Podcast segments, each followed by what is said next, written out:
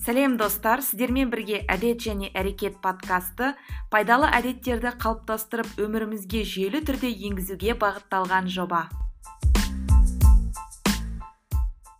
Сәлем әлем. Сіздермен бірге әдет және әрекет подкасты. Менің есімім жанар және сіздер қазір әдет және әрекет подкастының 17 жетінші эпизодын тыңдап отырсыздар. Негізінен подкаст көп уақыт шықпай кетті. Сол үшін сіздерден бір жағынан кешірім сұраймын. Оның да белгілі бір себептері бар. Негізінен осыған дейін соңғы эпизодтан кейін 16 алтыншы эпизодтан кейін екі эпизод жазылған еді. Бірақ мен оларды жарияламадым. Тек менің компьютерімде сақталып тұр. Оның жариялауымның себебі бұл тақырыптар бойынша эксперт деген түсінік бар ғой. Эксперт емес. Деп өзім санаймын. Сондықтан ол эпизодтарды жариялаудан айнып қалдым. Бірақ енді дегенмен қазір түзеліп жатырмын. Қайтадан өзімнің бұрынғы қалпыма келіп деген сияқты. Осы уақыт арасында рамазаннан кейін негізі рамазанға байланысты бір демалыс алғандай болдым. Бүкіл әлеуметтік желілерден еш бүкіл әлеуметтік желіні телефоннан өшіріп тастап деген сияқты. Бірақ та одан бері міне бір айдай өтіп қалыпты жиырма күннен артық. Бірақ мен эпизод жазсам да жарияламадым. Бір жағынан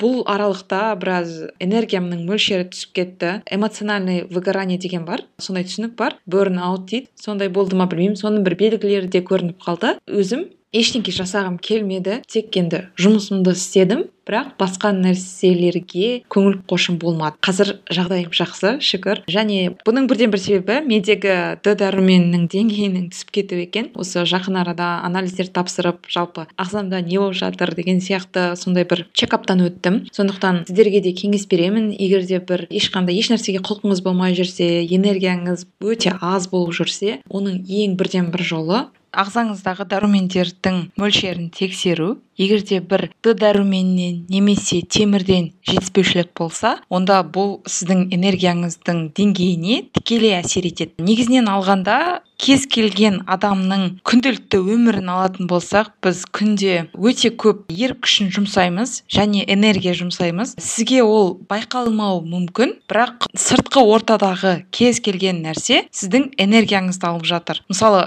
сіз жұмыс істейтін болсаңыз күнделікті сізге қаншама хаттар келуі мүмкін жұмыс бойынша. Оларға жауап беру керексіз. Тіпті жауап бермесеңіз де оны ашып қарағаныңыздың өзі сіздің энергияңызды алып қояды. Және де кешкі уақытта жұмыстан кейін бір спортпен айналысайық десек немесе басқа бір шаруаны орындайық десек бір мүлдем энергиямыз жоқ сияқты болуы мүмкін. Және де сонымен қатар бұған басқа да тамақтану ұйқы кез келген нәрсе әсер етеді. Сондықтан бұның ең алдымен бұл жағдайдан шығудың жолы ол бізге энергиялық ресурстарымызды толтырудың мүмкіндіктерін оның жолдарын өзімізге ұйымдастырып алу. Сондықтан әрине стресстің пайдасы бар. Бірақ одан кейін міндетті түрде белгілі бір қайта қалпына келу процесі болу керек. Яғни егер де стресс сізде ұзақ уақытқа созылса онда бұның денсаулығыңызға энергияңыздың мөлшеріне зияны өте зор. Ал егер де сіз мысалы бір спорттық жаттығу жасап немесе өзіңізге бір челлендж жариялап өзіңізге сондай бір стрессовый яғни қысқа мерзімді стресс болса оның ешқандай да зияны жоқ. Керісінше бұл біздің мүмкіндіктерімізді кеңейтеді. Яғни ол физикалық болсын рухани болсын интеллектуалды болсын. Сондықтан да осындай бір челленджтар жариялау арқылы өзімізге мүмкіндіктерімізді аша түсеміз және өзімізге не істей алатынымызды дәлелдей аламыз. Негізінен алғанда энергияның өзі бірнеше егер де сіздер эйзенхауэр матрицасы деген түсінікпен таныс болсаңыздар энергияның өзі негізінен төрт квадратқа бөлсек болады. Ол жоғары негативті энергия жоғары позитивті энергия және төменгі негативті энергия және төменгі позитивті энергия деп бөлінеді. Егер де ең төменін алсақ мысалы төменгі негативті бұл жерде енді депрессия күшіміздің азаюы мотивациямыздың жоқтығы осындай көңіл күйлер жатады. Ал жоғары негативті энергия бұл жерде енді агрессия қорқыныш ашуланшақтық немесе бір нәрседен уайымдау деген сияқты бұл жоғары негативті энергияға жатады. Ал жоғары позитивті энергия дегеніміз бұл әрине біздің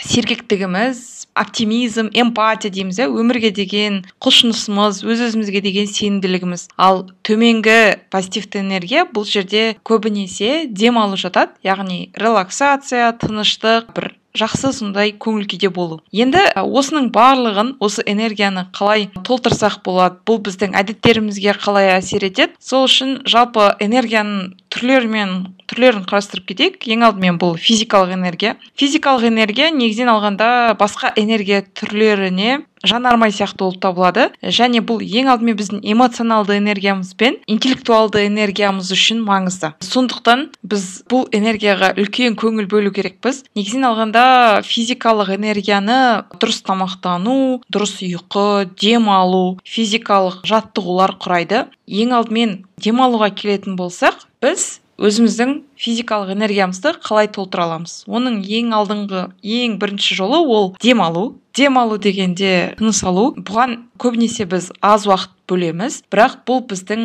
миымыздың тынығуына миымызға кислородтың баруына үлкен әсерін тигізеді. Сондықтан егер де сіз мысалы жай ғана жаяу жүріп бара жатқан кезде осы тыныс алуды есіңізге алыңыз. Яғни терең дем алып одан кейін ақырындап дем жіберсеңіз өте пайдалы. Бірнеше интернеттен де қарап көрсеңіздер болады. Демалудың түрлі әдістері бар. Өзіңізге ыңғайлысын таңдап алыңыз. Менің орындайтыным ол төрт секунд демаласыз төрт секунд бір екі үш төрт деп санасаңыз болады. Терең дем аласыз одан кейін екі секунд оны ұстап тұрасыз немесе үш секунд ұстап тұрасыз. Сосын екі секундта ол демді шығарасыз. Яғни осылай қайталасаңыз болады. Келесі энергияның физикалық энергияның көзі ол дұрыс тамақтану. Өздеріңіз білетіндей тамақтану ә, негізінен біздің егер аз тамақтансақ немесе артық тамақтансақ бұл біздің энергиямызға тікелей әсер етеді. Яғни егер де көп тамақ жей қойсақ бұған да біздің ағзамыз көбірек энергия бөледі. Яғни асқазанымызда асқазанымызға салмақ түсіру арқылы басқа органдарымыздың да жұмыс істеуіне алып келеміз. Сондықтан физикалық энергиямыз жақсы мөлшерде болу үшін бізде тамақ ішудің арасында өте үлкен үзілістер болмау керек. Өйткені бұл да біздің ә, энергиямыздың мөлшеріне әсер етуі мүмкін. Сонымен қатар судың мөлшерін қажетті су мөлшерін ұстану керекпіз. Және энергиямызды алып көлемін алып қоятын заттардан аулақ болыңыз олардың санын азайтыңыз. Соның бірі кофе яғни кофеині бар заттар. Сіздің ағзаңыздағы энергияңызды бір кредитке алған сияқты боласыз. Сондықтан оның да өлшемі бар. Келесі маңызды фактор энергияны толтырудағы бұл ұйқы. Кез келген аз ұйықтау бұл энергияның бірден түсіп кетуіне сонымен қатар біздің иммунитетіміздің төмендеуіне алып келеді. Алдыңғы эпизодтарда да айтқан болатынбыз ұйқының маңызы жайлы тамақтанудың маңызы жайлы. Сондықтан ұйқының да маңызы бар. Бұны мен биылғы рамазан айында байқадым. Яғни ұйқыңыз аз болса тіптен күндізгі уақытта түстен кейін сағат бір мен төрттің аралығында тым құрғанда 15 минут ұйықтап алсаңыз соның өзі сіздің энергияңызды бір көтеріп тастайды. Енді тым құрмағанда 15-30 минут түскі уақыт кезінде ұйықтап алған жөн. Сонымен қатар егер де сізде ұйқыны көп болса ұйқының мөлшері 8 сағаттан артық мөлшерде 10-12 сағат болса бұл да тамақ сияқты бұның да зияны бар. Бұл керісінше сіздің энергияңызды алып қою мүмкін. Сондықтан ең тиімді әдіс ол бір уақытта жатып бір уақытта ояну және әр күн сайын ұйқының ұзақтығы бірдей болу керек. Сонымен қатар бұл жексенбі сенбі күндеріне де қатысты ұйқыңызды белгілі бір ритммен режимге келтіруді ойластырыңыз. Келесі нәрсе ол физикалық жаттығулар яғни ең аз дегендегі физикалық жаттығудың өзі біршама пайда алып келуі мүмкін. Енді біз үшін ең оңайы ең күш жігерді талап етпейтін нәрсе ол жаяу жүру деп ойлаймын. Мен тіпті жүгірмеген күннің өзінде жаяу жүріп жүрдім. Және бұның ең ең керемет әдет деп айта аламын. Сондықтан ең аз дегенде 30 минут далада жүріп және бұл жаяу жүруді тыныс алу жаттығуларын да жасау арқылы бір дегенде бірнеше істі жүзеге асырсаңыз болады. Ә, бұл жерде тек бір темпта емес жаяу жүргеннің өзінде арасында жылдамдығыңызды көбейтіп яғни өте жылдам жүріп одан кейін жүрісіңізді азайтып солай жасасаңыз бұл жүрегіңізге де пайдалы миыңызға да пайдалы. Сондықтан бұны да естен шығармаңыз. Келесі нәрсе ол эмоциялар яғни біз жарқын өмір сүру үшін бізге жақсы эмоциялар керек. Бірақ арасында жаман эмоциялар да болып тұрады. Осы егер де бір эмоциялық энергияны үлкен бір сандық деп қарастырсақ біз үшін оны не толтыр ол, ол сандықты немен толтыратынымыз маңызды. Яғни бізге не нәрселер қуаныш әкелетінін анықтап алуымыз керек. Яғни егер де бір бізде қазіргі таңда бір танымал болып кеткен түсінік бар ғой эмоциональное выгорание дейді. Сондай жағдайда белгілі бір шаруаны тындырғаннан кейін немесе белгілі бір көңіл күйімізді көтеретін нәрселерді білгеніміз жөн бізге не нәрсе жақсы көңіл сыйлайды немен айналысу бізге қуаныш әкеледі. Бұл достарыңызбен кездесу болуы мүмкін немесе жай ғана қыдырып қайту біреулерге шопинг қызық болуы мүмкін иә? Немесе сурет салу ән айту спортпен айналысу жай ғана жағымды музыка тыңдау. Бір адамдарға тігін тігу біреулерге фортепианода ойнау. Әркімге әртүрлі не нәрсе оған қуаныш әкелетіні. Сондықтан белгілі бір парақты алып өзіңізге қуаныш әкелетін заттарды да жазып алсаңыз тіптен керемет болатын еді. Егер де біз өз өзімізге деген сенімділікті өз өзімізді тәртіпке салуды эмпатияны сонымен қатар коммуникативтік қабілеттердің барлығын бұның барлығын біз эмоционалды энергиямыздың бір бұлшықеттері ретінде санасақ болады. Яғни менің ойымша кез келген нәрсені біз бұлшықет ретінде қарастырсақ болады. Тіпті миымыз болсын денеміз болсын эмоция рухани жағынан болсын кез келген нәрседе бізге жаттығу қажет. Яғни азғантай ғана стресс алып келу арқылы белгілі бір қысым жасау арқылы біз өзіміздің қолайлы зонамыздан шығып бір өзімізге шақырту жасай аламыз және бұл бұлшықеттерді нығайта аламыз. Енді келесі нәрсе бұл интеллектуалды энергия. Интеллектуалды энергия бұл біздің өмірімізді және біздің дамуымызды концентрациямызды анықтайды. Сондықтан өздеріңіз де білетін шығарсыздар негізінен бір қиын қиын тапсырмалардың жауабы ең жақсы идеялар жаяу жүру кезінде ұйықтарға жатар алдында немесе душқа ванна түсіп жатқан кезде келеді. Сондықтан біздің миымыз үшін және біздің интеллектуалды энергиямыз үшін қайта қалпына келу мен демалыс өте маңызды. Ұйықтау кезінде мысалы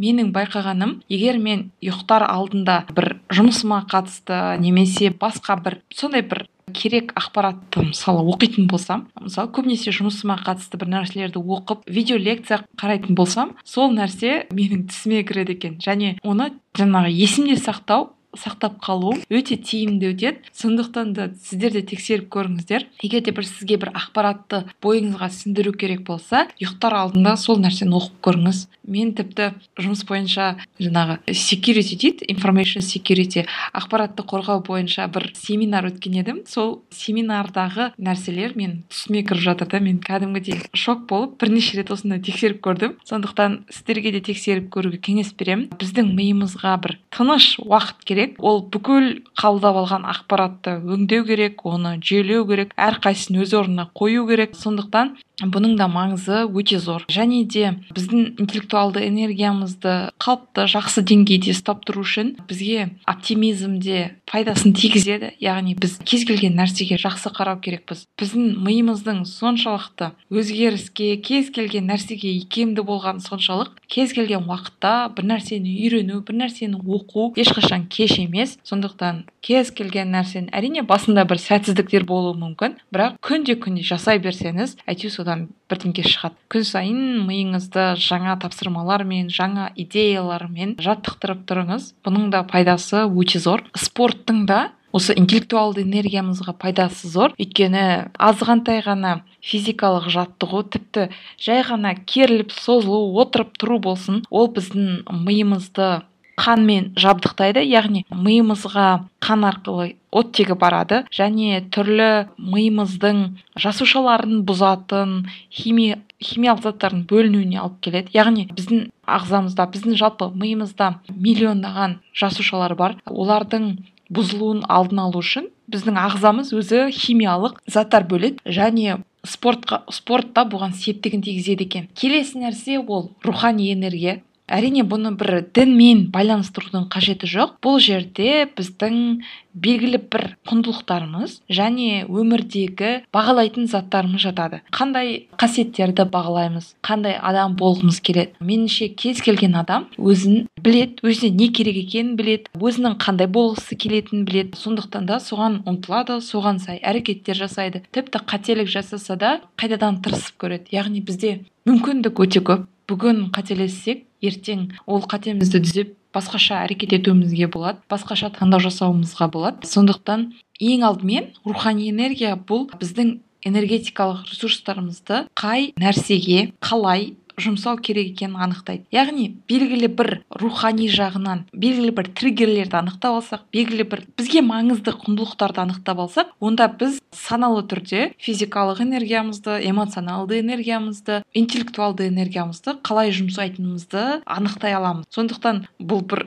ана басқа үш энергияның төбесінде тұрған энергия деп айтсақ болады. Рухани энергияның бұлшық еті ол біздің мінез құлқымыз. Оны әр кез сайын тәрбиелеп тұру керекпіз кейде бір сынақтар болуы мүмкін стресс жағдай болуы мүмкін. Сондықтан енді бұл энергияны қалпына келтірудің бірнеше жолы бар. Сіз өнер өнермен айналысуыңыз мүмкін немесе табиғатқа шығып табиғатпен етене байланыс құруыңыз мүмкін. Мысалы жай ғана теңіздің жағасында жүру аяғыңызды мысалы өзенге малу немесе жай ғана топырақты жалаң аяқ басудың өзі бізге белгілі бір энергия береді. Яғни біздің жер анамен табиғатпен байланысымызды көрсетеді. Немесе бір жай ғана медитация жасау. Иә медитацияның өзі белгілі бір ойларыңызбен жұмыс істеу бір концентрацияға ұмтылу. Тіпті медитацияның өзінде толықтай оған ене алмай ойларыңыз адасып жүрсе де енді әртүрлі ойлар келуі мүмкін. Ондай бір керемет дзен дейміз ғой. Сондай бір концентрацияға жету өте қиын. Сондықтан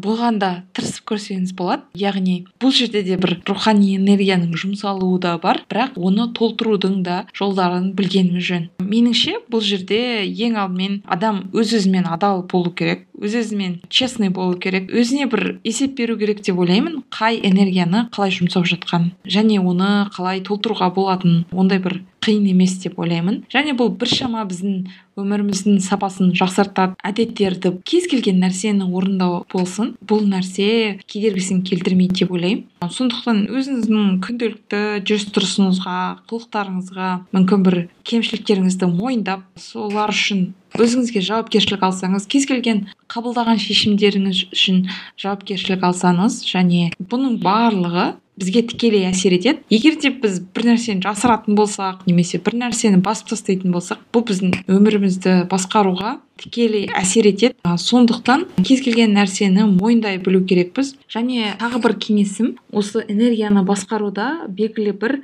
ритуалдарды құрастыру керекпіз. Біздің энерги, энергиялық қорымызды толтыратын қандай нәрселер болуы мүмкін? Мысалы біз ешқандай бір андай жуаған кезде мысалы ұйқыға жатардың алдында және таңертең тұрғанда ешқандай бір қиыншылық бізде жоқ иә? Одан немесе таңертең чайникпен шай қойған кезде де ешқандай қиыншылық болмайды. Немесе төсегіңізді жинаған кезде де ешқандай қиыншылық болмайды. Сол сияқты басқа да нәрселерді де осындай ритуалға айналдырсақ тіптен керемет болатын еді. Сондықтан негізінен бұл ритуалды өзіңіздің құндылықтарыңызға сай анықтаңыз яғни сіз үшін не маңызды деген сияқты. Бұл жерде бірден осы төрт энергияны бірден қолға алудың қажеті жоқ және ол дұрыс та емес. Сондықтан басында жай ғана мысалы физикалық энергиядан бастасаңыз болады. Тек қана физикалық энергияны алып бір апта ма он күн ба бір ай ма жасап көріңіз. Үзбей. Тіпті үзілгеннің өзінде үш күннен артық үзбеңіз. Және бұл бір өзінің нәтижесін береді. Немесе егер өзіңізге сенімді болсаңыз онда әр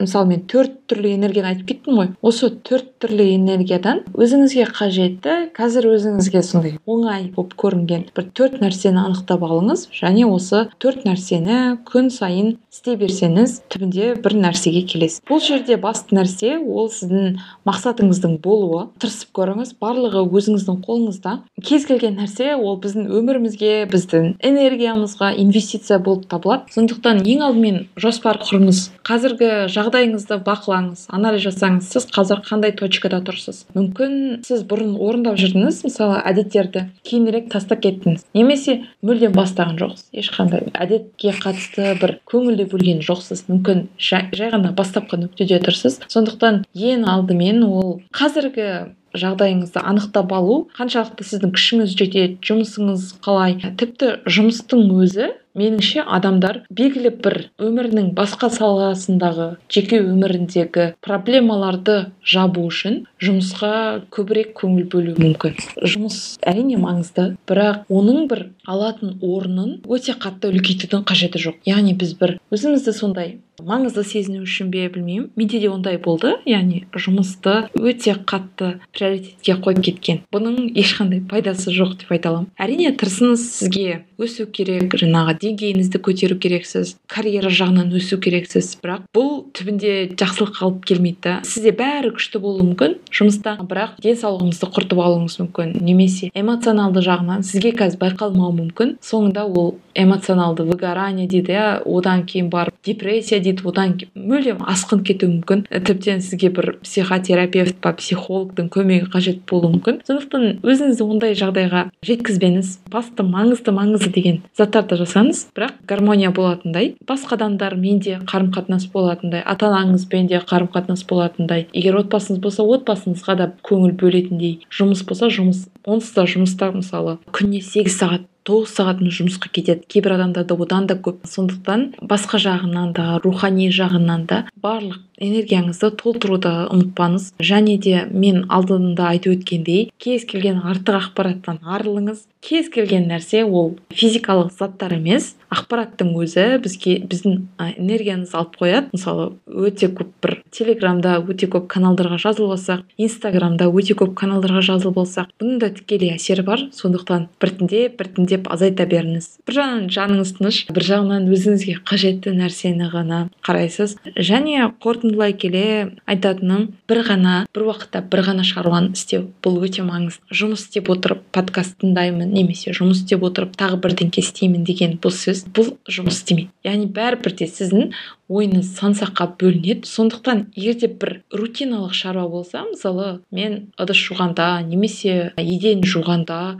подкаст қосып қоямын өйткені ол жерде қатты бір концентрация қажет емес бірақ тамақ жасаған кезде көбінесе сирек қосамын өйткені бір жағдай болды. Алдында подкаст тыңдап жүріп тамақ істеп жатқан. Тамақ істеп жатқан кезде жаңағы тұздың орнына шайды салайын деп жатырмын да кәдімгі заварка чай дейді ғой. Сондықтан абай болыңыздар. Немесе бір бір нәрсені ойланып ойланып кетулерің ойланып кетуің де мүмкін. Бұл да менің бір энергиямның азайғанын көрсететін шығар. Кез келген нәрсені қағаз бетіне түсіру өте жақсы көмектеседі. Алдын ала жоспар құру қағаз бетіне түсіру. Өйткені сіз бүкіл ана басыңыздағы бар нәрсенің бәрін тазартып тастайсыз. Бұл ойлануға да пайдасын тигізеді. Қандай керемет шаруаңыз болса да қандай маңызды шаруаңыз болса да күнтізбеңізден кем дегенде 20 минут бір сүйікті ісіңізге уақытты жаңағы буклет етіп дейді ғой. Сөйтіп уақыт белгілеп қойыңыз.